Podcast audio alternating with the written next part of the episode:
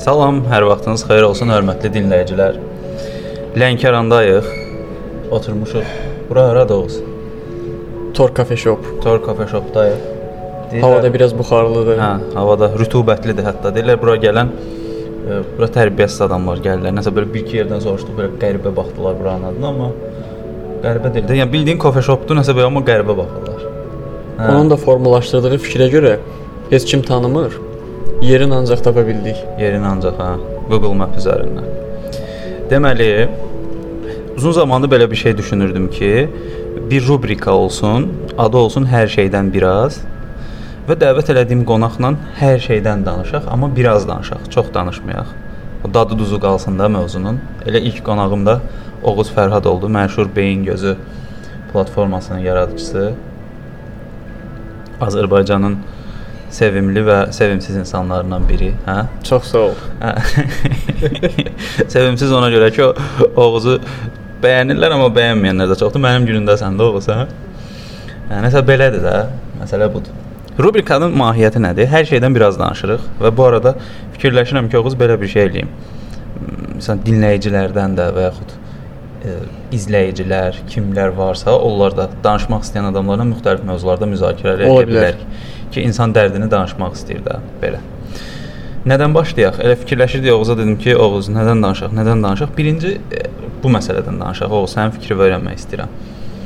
E, niyə insanlarda cinsi acılıq var? Niyə insanlarda cinsi acılıq var? Orxan fikir vermisənsə, bu daha çox bizim qızlarda özünü ortaya verir özünü daha doğrusu bir üzə verir. Oğlan uşaqlarında bu çox da hiss olunmur, amma qız uşaqlarında daha çox hiss olunur. Səbəbini deyəcəm. Səbəb odur ki, ə, e, oğlan uşaqları uşaq vaxtından bu daha çox rayon yerlərində belə olur. Oğlan uşaqları uşaq vaxtından daha bir ə, e, qız uşaqlarına nisbətən daha azad, ə, e, daha hür olur, amma qız uşaqları oğlan uşaqlarına nisbətən daha baskı, təzyiq, sıxlıq içində böyüyür. Bu ə, e, cinsi istək olsun, cinsi etiraz olsun, bunun içində sıxışır, sıxışır, sıxışır. Ə, e, bunun qarşısı alınmazsa başqa cür bir üzə verir. Bu artıq cinsi azlığa gətirir, çıxardır. Amma əslində o uşaq vaxtından hər bir şeyi öz dozasında, öz ə, e, həddində dadsa, bəlkə də gələcəkdə bunun fəsadları olmayacaq. Məncə bunun ə, e, başlıca səbəbi elə ailədir, ailənin baskısıdır, ailənin sıxlığıdır. Hətta Sigmund Freudun belə bir ə, e, sözü var ki, istər ə, e, yuxular olsun, istər cinsi istək olsun, bunların hamısı bastırılmış duyğu və düşüncələrin iradə xaricinə vurmasıdır. Yəni Gerçək. sən nəyi nə qədərsə bastırırsan, nə qədər sıxırsansa, bu gələcəkdə partlayış verir. Bu da fərqli səbəblərə nəticə ola bilər. Mənim bir fikrim var. Həmişə deyirəm ki, biz e, fiziki olaraq ölənə qədər duyğusal olaraq nələr-nələr şeyləri bastırırıq. O bastırdığımız şeylər bir müddətdən sonra diriləndə artıq bizim həyatımıza əməli başda təsir göstərə bilər. E, fikir vermisən, Azərbaycan cəmiyyətində insanlar cinsi ehtiyacları, cinsi maraqları və cinsi düşüncələri üzərindən anlayışlar yaradırlar. Məsələn, daş fırın erkəyi. Məsələn, türklərdə belə var da, kişi, kişiyəm mən, belə bir sanki belə cinsiyyəti ilə fəxr eləyir adam. Mən kişiyəm, yəni bu bu bu, bu şeylər olmalıdır. Bir patriarxallıq yaranır. Yəni bir qarşıdakı şəxsə belə gücünü göstərməyə çalışırsan, deyirsən, mən buyam. Belə bir şey. Elə bir cinsiyyət cinsiyyətlə bağlı olan məsələlər və cinsi tərəfdən özünü üstün hesab edən fərdlərin yaratdığı sistemin içərisində bir Azərbaycan cəmiyyəti formalaşıb. Hər şey bunun üzərindən gedir. Və bu əslində pis, pis bir şeydir. Çünki sosial olaraq maariflənmə yoxdur elmi maariflənmə yoxdur, amma mental qəliblər çoxdur. Ona görə də insanların cinsi həyatları üzərindən manipulyasiyalar eləyirlər, cinsi həyatları üzərindən qeybətlər eləyirlər. Hər şey cinsi həyat üzərində baş verir və bu çox bərbad bir şeydir və bu acılığın içərisində inkişaf e, prosesləri gedir, amma yenə də acsan da. Bax məsələn, ə, fəxr eləmək dedin. Hı -hı. Yəni bir insan əldə eləyə bilmədiyi bir şey üçün niyə fəxr eləsin ki? Məsələn, kişi olmaq, hansısa millətdə doğulmaq, hansısa dövlətdə doğulmaq bunlar sənin əlində olmayan şeylərdir. Yəni sən əlində olmayan şeylər üçün niyə fəxr eləyirsən ki? Eynən. Yəni onları sən seçməmisən. Eynən. Ə, sən qadın da, ola bilərdin. Elə bunu demişkən, keçən dəfə biri deyir ki, ə, Azərbaycanlı olmağından fəxr eləyirsən? Dedim, tutaq ki, bu suala okey fəxr eləyirəm cavabı verdim. Tamam. Axı mən bunu seçməmişəm. Yəni mən insan olmağımla fəxr eləməliyəm də. Yəni bir filan millətdən olmağın niyə fəxr olsun ki? Özün özündə yaratdığın keyfiyyətlərdən fəxr eləyə bilərsən. Əgər mən keyfiyyətsiz biriyəmsə, hansı millətdən asılı olmayaraq mən özümdən fəxr eləməliyəm? Onda da qayıdıb deyəcəklər ki, egoistsən. Onda da deyirlər, hə, egoistsən, sən vətənpərvər deyirsən. İndi təzə çıxıb axı. Keçən dəfə bir tanışım deyir ki, ə, deyir Şuşanı deyir tərifləyəndə səni qabağa çəkirlər. Ona görə dayanmadan adam yəni nə qədər geri zəkalı olasan ki, üzr istəyirəm ifadəyə görə Şuşanı tərifləyir ki, bunu kimsə irəli çəkəcək də. Yəni bu bu zehniyyətdə olan insanlar var. Bir də bir əlavə bir detal var. Keçən dəfə danışırıq bu haqqda. Sual verirlər ki, sual belə oldu. Mən dedim ki, Azərbaycanda bilikli insanlar peşəkar insanlar səmimi deyillər əksəriyyəti. Qeyri-peşəkar insanlar isə çox səmimi danışırlar, amma onlara inanan yoxdur. Sual verdilər ki, niyə sizcə səmimi deyillər və mən bu fikri irəli sürdüm ki, Aha. məsələn, peşəkar olan insanın mental qəlbi çoxdur. Məsələn, deyək ki, mən peşəkaram nə hansısa bir sahədə, mən beynimdə fikirləşirəm ki, mən bu bu bu şeyləri desəm məni kimsə qabağa çəkər, irəli aparar. Ona görə bəzən doğruları deməkdən çəkinirəm və mənə lazım olanları və kiməsə lazım olanları deyirəm və bu məni irəli aparır. Peşəkar olmağıma baxmayaraq süni oluram, səmimi olmuram. Hı -hı. Çünki bilirəm ki, səmimiyyət e, keçməyəcək və mən başlayıram süyniliyi yaymağa. Dolayısıyla peşəkar adamın yaydığı süynilikdən də ortaya qeyri-səmimi bir insan modeli çıxmış olur. Qəribədir və bu da Azərbaycan cəmiyyətinə əməlli başlı təsir göstərə bilər. Eyni detal bax bu cinsiyyətlə bağlı dediyimiz mövzularda da var. Məsələn, maariflənmə prosesinin həyata keçirilməsi, bizə nə isə öyrədən müəllim obrazında olan adamlar bunu elmi olaraq izah eləmir.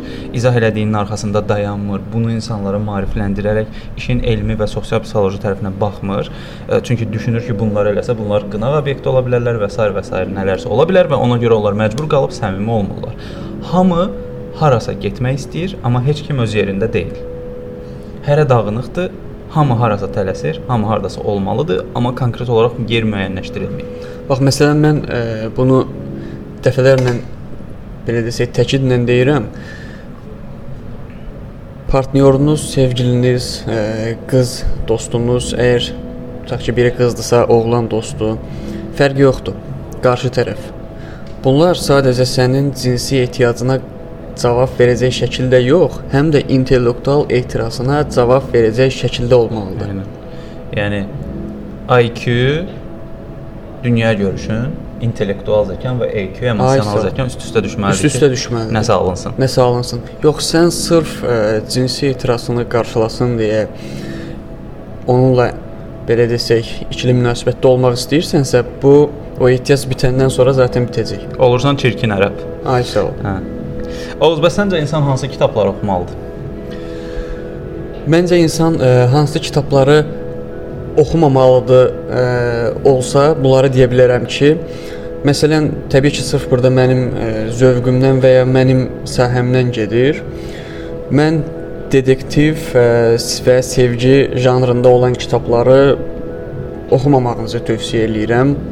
Niyəsini desəniz, e, belə bir cavab verərəm ki, sən sevgi kitablarını, sevgi romanlarını oxusan, çox mükəmməl. Gündə bir dənə sevgi romanı oxuyursan. İndi çox kitabların filmləri və ya filmlərin kitabları olur axı. Tutaq ki, sevgi romanında bir e, tutaq ki, Hüseynlə Leyla deyə bir sevgi romanı oxudun. Gələcəkdə onun filmini çəkdilər. Bu kitabın sənə verdiyi maksimum müsbət cəhət tutaq ki, serialın 65-ci bölümündə Hüseyn Leyliyə nə deyəcəyini təxmin eləyə bilərsən. Yəni maksimum bunu verə bilər sənə. Bundan başqa heç nə verə bilməz. O vaxtı mən balaca olanda ANS-də Dəlisov Anastasiya serialı var idi. Bir 120 bölüm gedirdi. Və oturub mən anamla o o seriallara baxırdım. Hamısını bilirdim. Diablo var idi orada, pis rolda gedən oğlan, həm qız var idi, Angel gic-gic şeylər. Yəni baxırdım və mən beynim romantikləşməyə başlayırdı. Okay, romantika harasa bir yerdə önəmlidir, amma e, belə bir söz eşitmişdim. Ə, e, dünyanın ədəbiyyatçıları yox da riyaziyyatçılar xilas eləyə bilər. Eynən. Çünki bir yerə qədərdir də bu romantizm. Amma biz hələ də romantizm Konkretlik içərisindəyik. yoxdur axı işin içində. Romanlar misal üçün şeydə Utopiya. Sən, utopiya, hə, xəyalların içərisində. Bildiyin utopiya. Mən deməli Orhan Pamukun Mənim adım qırmızı kitabı var. Onu oxudum. Kitabın bir 70-ci bölümünə çatanda hələ oğlan məhlənin tinindən dönüb pəncərədən qıza baxırdı. Belə çox əbədiləşdirir və belə artır artır Çox gedir. da və mən- uzadır. Hə, mən qulaq asmadım ona. Bu demək deyil romanlar pisdir, amma ə, davamlı deyil də bu. Yəni sənə xəyal qurmaqdan və romantikadan başqa Qatqı vermir insana. Hə, verir, Konkret hə. bir qatqı vermir. Yəni əllə tutulacaq Hə. bir qatqı vermir ki, bu sənin real həyatında sənə müsbət nəsə qazandırsın. Ancaq Yəni- hülya. roman ə, belə bir şeydir də orada baş verən proseslərə uyğun olaraq səni düşündürür və o prosesdən kənara çıxa bilmirsən. Eynən. Elə bir romanlar insanı dünyəvi, yəni sekulyar etmir. Orada yazılan standartlara uyğun şəkildə düşünə Elə bilirsən. bil hansısa çərçivənin içinə salır. O Hə. çərçivə daxilində səni düşündürür. düşünürsən, hə və Amma o onda çərçivə ümumiyyətlə sənə lazım deyil. hə. Yəni o məsələ və budur da.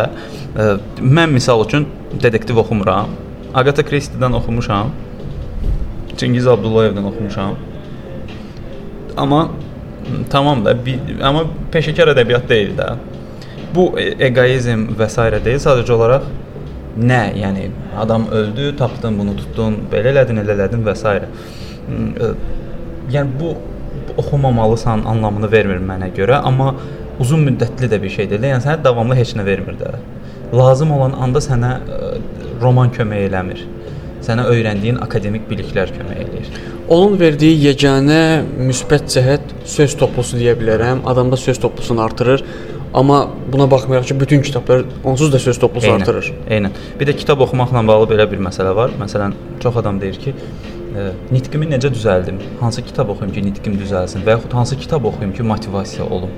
Hansı kitab oxuyum ki, işləri həll eləyə bilim? Mən düşünürəm ki, bunlar yanlış ifadədir. Çünki kitab insanı düşündürmək üçün nəzərdə tutulur. Ə, kitab nitqi formalaşdırmır, düşüncə yaradır. Kitab problem həll etmir problem həll edilməsi ilə bağlı bizdə düşüncə formalaşdıra bilər. Yəni amma biz elə bilirik ki, məsəl üçün bunu oxudum və salam, bitdi. Bunu məsələn mənə çox vaxt yazırlar ki, Oğuz bəy bizə şəxsi inkişaf kitabları önərin, biz o kitabları oxuyaq, konkret hansısa hədəfi vuraq.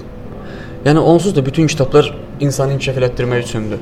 Yəni təbii ki, bəlli kitabları çıxmaq şərti ilə o dediyim kimi lazımsız, uzun uzadı gedən sevgi romanları, detektiv romanları, bunlar çıxmaq şərti ilə bütün elmi, populyar, fəlsəfi, hətta tarixi kitablar belə zaten şəxsi inkişaf kitablarıdır. Ay, siz orada insanı yəni- inkişaf elətdirir. Bu, bu kitabın mən kateqoriyasını tam olaraq anlamıram. Yəni bütün kitablar bizi inkişaf elətdirir Bütün də. kitablar zaten inkişaf üçündür. George Orwell-ın 1984 və Heyvanistan əsərini oxuyanda başa düşürsən ki, burada siyasi gedişatlar nədir ə, və o, o insanların idarə olunması, hakimiyyətlər insanları necə idarə edirlər, bunu anlaya bilirsən də bu səni düşündürür. Bu baxımdan ə, çox faydalı bir şey olur, amma bunun özü də bir şəxsi inkişaf deyil. Yoxsa Hamısı. problem həll eləməyin 4 yolu, yəni bu şəxsi inkişaf kitabında Varlı yazılır amma olmanın neçə yolu? Belə bir Hə, kitab var hə. idi. Düşün Var- və varlan. düşün, hə, Düşün və varlan. Hə. Ərə getməyin 49 qanunu. Belə bir kitab var idi. Bilirdin? Ciddi deyirəm. Ərə getməyin 48 qanunu deyə 49 qanunu kitabın adı idi. Və bir ara bestseller olmuşdu. Biz tələbə olan vaxtı. Yox, tələbə olan yox. Mən təlimlərə ilk yeni-yeni başlayırdım. Orada əməli başda bestseller olmuşdu. Elə kitablar çoxdur. Elə biri var idi. Evdə tək olanda görüləcək 50 iş mi Hə. nəsə belə bir kitab idi. və cəlb eləyir insan alır. O film sektorunda var ya mainstream filmlər. O cəmiyyətdə gedən populyar mövzular üzrə çəkilən filmlər. Mainstream kitablar da təxminən belə bir şeydir. Yəni ümumi yazırsan və o sənin diqqətini cəlb edir. Yəni sən şəxsi inkişaf kitabı istəyirsənsə, sənin sahən nədirsə, o sahə üzrə sənin o sahə, o sahə üzrə bütün kitablar sənin şəxsi inkişafın üçündür. Sən riyaziyyatçısansa, bu gün gedib sən şəxsi inkişaf üçün tarix oxumamalısan. Riyazi analiz oxumalısan, tərsimi həndəsə oxumalısan. Tutaq ki, bunlar sənin şəxsi inkişafın üçündür. Ali riyaziyyat oxumalısan, tutaq ki deyirəm. Riyaziyyatçısansa. Bu arada George Orwell 1984 yox, Heyvanistan dedim də sən. Heyvanistan əsərini mən 3-cü dəfə oxuyanda tam başa düşdüm demək olar ki, çünki birinci, ikinci dəfədə də heyvanların adları yadımdan çıxırdı. Aynen. Kim kim idi? Orda Kellister idi yoxsa Kotler idi, nəsə belə eşək var idi. Ən saf o idi, hə. O ə, hələ də həmişə ə, ümid eləyirdi ki, o su qülləsi, təpənin başında olan qüllə həmişə düzələcək, nəsə belə bir şey. İtlər donuzların köməkçisi idilər. Qoyunlar da yerli xalq olur. Doğru, Allegoriyadır doğru. da, allegorik təsvirlər çox Amma bomba çox kitabdır. qəşəng təsvir eləyib. Düşündürür. Bildiyim fermanı uyğunlaşdırıb. Oğuz, bəs həyatından razısan? Zövq alırsan yaşadığın həyatdan? Bu biraz e, belə desək cavabım skeptik olacaq bu. İkili cavablar çıxacaq. Onlar da bölünə-bölünə gedəcəklər. Elə bir şeydir ki, çalışıram balansda saxlayım, amma heç cür arındırmaq olmur. Yəni bir tərəfdən tutursan, bir tərəf gedir, o birindən tutursan, bu bir tərəf gedir. Konkret olaraq belə hələ ki tərəzinin millərini tam deyə bilmərəm ki, hə, ucuza gəliblər. Tərəzi demişəm, o məsələ var idi, xalqın gözü tərəzidir, amma gərək o tərəzi düz, düz işləsin də. Düz hə? çəkək. Ə, nə olsaydı həyatından razı olardın? Bu da maraqlı bir sualdır. E, onsuz da istər kainat, istər insan düşüncələri hamısı bir xaos, xaotik bir e, belə desək, qavramlar olduğu üçün bu suala da tam olaraq cavab vermək biraz qəliz olar. O bizim bir müəllimimiz var idi, deyirdi ki, bu xaosun içərisində olan entropiyanı axtarmaqla həyatım bəzən razı, bəzən də narazı olur. Nə yəni? Entropiya nizamsızlığın ölçüsüdür. Xaosun Aha. içərisində bir nizamsızlıq var və bu nizamsızlığın ölçüsünü müəyyən etdiyin halda özündən razısan deyirdi müəllimim. Amma mən misal üçün Sokrat haqqında, Sokratın fəlsəfəsi haqqında oxuyanda orada belə bir cümlə var idi. Deyirdi ki, ən böyük bilik insanın öz cahilliyinin fərqində olmasıdır. Yəni mən bilirəm ki, heç nə bilmirəm söhbəti. Yəni mən nə qədər də öyrənsəm yenə də bilmirəm. Ölənə qədər yenə də öyrənməyə davam edirəm. Yenə də bilmirəm. Mən bilmirəm. Bunun fərqində olan zaman əslində insan özündən mən düşünürəm ki, nə qədər razı və nə qədər narazı olduğunu müəyyənləşdirə bilir. Mən bilmirəm, bu məni rahatlaşdırır. Mən öyrənirəm, bu məni daha da rahat eləyir və bunları ardıcıl və paralel şəkildə və doğru şəkildə apardığımız zaman razılıq və narazılıq məsələsi ortaya çıxa bilər. Bir də işin içərisində maddi və mənəvi məsələlər var. Maddi və mənəvi məsələlərdə önəmli olan detal.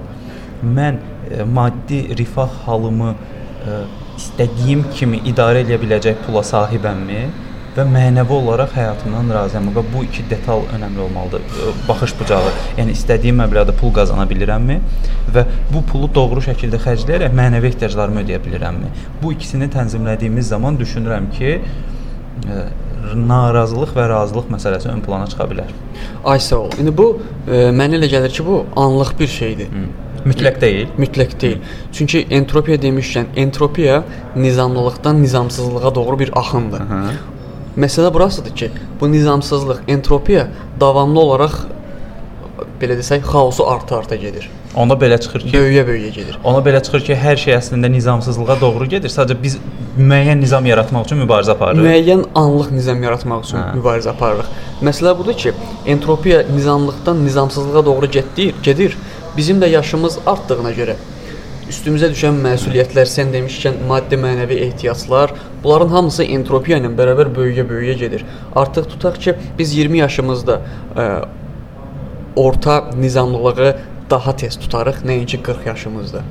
Çünki orada məsuliyyətlər, maddi mənəvi ehtiyaclar və məsuliyyətlər daha da böyüyür. Çünki entropiya var. Entropiya Onda böyüyür. demək olar ki, yaşımız artdıqca biz nizamsızlığa doğru hərəkət eləyirik əslində. Əslində insan bir nizamsızlığa doğru hərəkət eləyə-eləyə həm də ona qarşı çıxır. Eynən.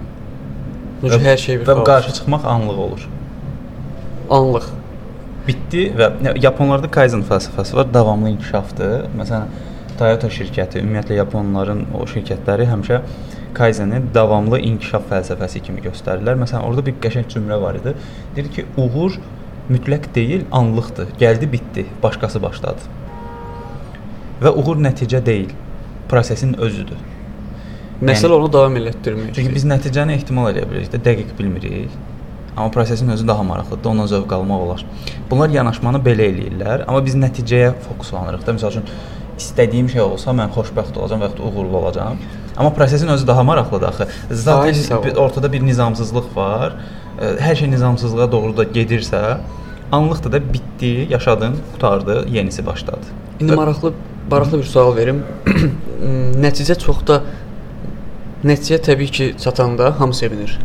Amma əsas onun getdiyin prosesdir, onun getdiyin yoldur. Bəs ə, o proses olmadan birbaşa nəticəyə çatsan, bu sənin üçün maraqlı olar? Hə, qəşəng sualdır. Olub əslində, amma heç vaxt maraqlı olmayıb. 3 dəfə elə olub, heç bir əziyyət çəkmirsən, heç bir prosesi yoxdur. Sadəcə sənin prosesi yox, elə bir nəticəni sənin qarşına qoyan məsələlər olur. Hansı ki, sən orada iştirak eləmirsən. Bu nə edir? Bir anlıq e, bəlkə insan beynində bir illüziya yaradır ki, hər şey əladır, amma əziyyəti sən çəkməmisən deyə, daha doğrusu zəhməti sən çəkməmisən deyə, bu zəhməti çəkmədiyinə görə gələcəkdə onun əziyyətini sən yaşayırsan. Bilsən nəyə oxşuyur? Elə bil heç bir işlə məşğul deyilsən, heç bir zəhmətə uyğunlaşmamısan. Hər şeyi sənə ailən, atan eləyib, dayı-dayın eləyib, kimsə eləyib və birdən-birə sən nə hər hansı bir işə başlayanda o bir ifadə var ya, kobudda desəm, xiyar əyri bitir deyirlər. Ay, sağ ol. Və sən düzgün şəkildə eləyə bilmirsən. Bu arada zəhmət çəkməklə əziyyət çəkmək arasında fərq var. Məsəl üçün e, gördüyün bir prosesin hər hansısa bir nəticəsi var və səni irəli aparırsa bu zəhmət, amma yerində sayıb və geriyə addım atırsansa bu əziyyətdir. Zövq al, zövq burada da zövq məsələsi səncə girir işin içinə. Bizən necə girir? Məsələn, e, beynimiz hedonistik çalışır da, hedonizm. Gördüyümüz işdən zövq almalıyıq. Aha. Nə iş ki, kofe içməkdən tutmuş, kitab oxumağa qədər, hətta söyüş söyməyə qədər hər şeyi zövq, Zövq üçün eləyirik. Beyin zövq almaq istəyir. Hər şeyin kökündə əslində zövq dayanır. Amma bu zövqü hansı formada, necə alırsansa, bunu sənin intellektual məsələlərin həll edir. IQ, EQ və s. Onda belə deyə bilərik ki, ə, biz əziyyəti zövqlə eləyiriksə, bu zəhmət çəkirik, bəhrəsini görürük, amma əziyyəti zövqlə eləmiriksə, belə əziyyət olaraq da qalır bizə. Bəhrəsini görmürük. Hə. Məsələ budur. O Çin fəlsəfəsində var idi. Deyirdi, "Hər- hər kəs faydalı şeyin faydasını bilir, amma ağıllı və dərrakəli insanlar faydasız görünəndən, görünən şeydən də fayda götürə bilən insandır. Yəni məsəl üçün mən çayxananı xoşlamıram, amma elə olur ki, tanışlar çağırırlar ora. Orada oturanda "Ayda mən niyə bura gəldim demirəm. Hmm, bu situasiyada mən nələr əldə edə bilərəm? O, o bu yanaşmanı eləyəndə nəsə nəticə əldə edirsən də, faydasız görünən şeydən də fayda götürə bilirsən. Yenə də gəlir çıxır məsələ düşüncəyə, sənə hadisələrə necə baxırsan, hansı formada baxa bilirsən. Sənin bir sözün var, hər şey beyində olub, beyində bitir. Və insan öz düşüncəsinin son nəticəsidir. Eynən. Yəni insana baxırsan ki, o düşüncəsinin son nəticəsidir. Belə. Maraqlı oldu məncə. 22 dəqiqə deyirdik nə danışacağıq, hə? 22 dəqiqə danışırıq. Belə. Suallarınız olsa mütləq yazın. Növbəti podkastlarda mm, siz də qonaq ola bilərsiniz. Maraqlı müzakirələr eləyə bilərik. Özünüzə yaxşı baxın. Özünüzə yaxşı baxın. Hələlik. Hələlik.